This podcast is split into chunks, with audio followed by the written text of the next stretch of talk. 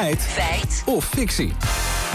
Ja, Lambert, ja, frituurvet uh, op, de, op de weg, dat spreekt altijd tot de verbeelding. Maar we gaan het nu hebben over de luchtkwaliteit uh, in Amsterdam. Ja, want die zou namelijk net zo slecht voor je gezondheid zijn... als het roken van 5 tot 10 sigaretten per dag. Die uitspraak deed uh, Onno van Schijk, hoogleraar preventie geneeskunde... een tijdje geleden tegen RTL Nieuws.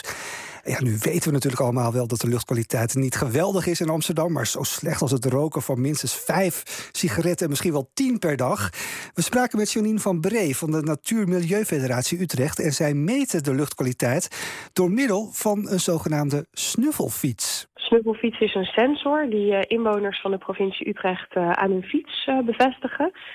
En die sensor die meet eigenlijk fietsend, bewegend, fijnstof onder andere. En alle metingen die komen op een openbaar uh, dashboard terecht... waar ze eigenlijk voor iedereen in te zien zijn. Ja, volgens Janine zijn de resultaten van de meting van heel veel factoren afhankelijk. Maar zijn er ongeacht hoe groot de luchtvervuiling is... altijd gezondheidsrisico's? Nou, de, de metingen die wij doen, die gaan van blauw tot rood. Blauw is zeg maar de laagst gemeten fijnstofwaarde en rood de hoogste... En je moet je voorstellen dat welke meting je ook doet, of het nu blauw is en zeker als het rood is, bij iedere waarde is er eigenlijk al een, uh, een gezondheidsrisico.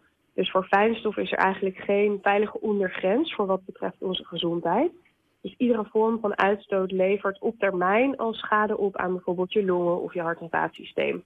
En nou neem ik aan dat er in steden meer luchtvervuiling is dan op het platteland. Ja, professor Lex Burdoff van het Erasmus MC heeft namens de Gezondheidsraad onderzoek gedaan naar de luchtkwaliteit in Nederland. En hij legt uit waarom er in de steden inderdaad meer luchtvervuiling is dan op het platteland. Grote steden hebben over het algemeen meer luchtverontreiniging omdat daar de verkeersdrukte natuurlijk veel groter is en uh, een aanzienlijk deel van de luchtverontreiniging toch te maken heeft met uh, verkeer.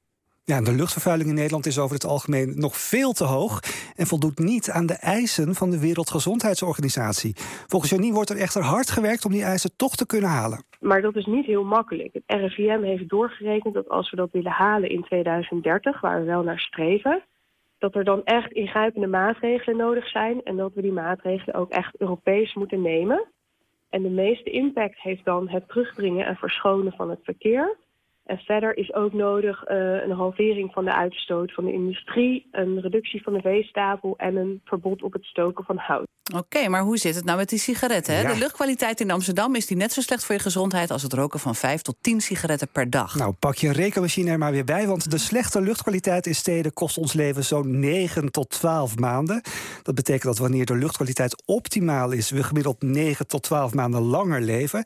En professor Lex Burdoff die rekent de rest voor je uit. Van roken weten we dat rokers gemiddeld drie tot vier jaar eerder doodgaan. Een gemiddelde roker die rookt pakje per dag. Dus als je maar vijf sigaretten per dag rookt, dan zal je ongeveer een derde van die drie jaar een korter leven hebben. Dat is een jaar. En op die manier is roken van vijf tot tien sigaretten is vergelijkbaar met het leven in een stad met veel uh, luchtverontreiniging. Oké, okay, feit of fictie dan? Ja, feit. Susanne Kreuger van, het, van, twee, van uh, GroenLinks, Tweede Kamerlid, tweette over deze oudere uitspraak. En die tweet blijkt terecht. Als de luchtkwaliteit optimaal zou zijn, dan zouden we zo'n 9 tot 12 maanden langer leven. En als je ongeveer vijf sigaretten per dag rookt. Maar we doen dus gemiddeld een pakje. Ik hoorde een nieuwe feit of fictie uh, net voorbij komen. Ja, dan kost je dat ongeveer 12 maanden van je leven.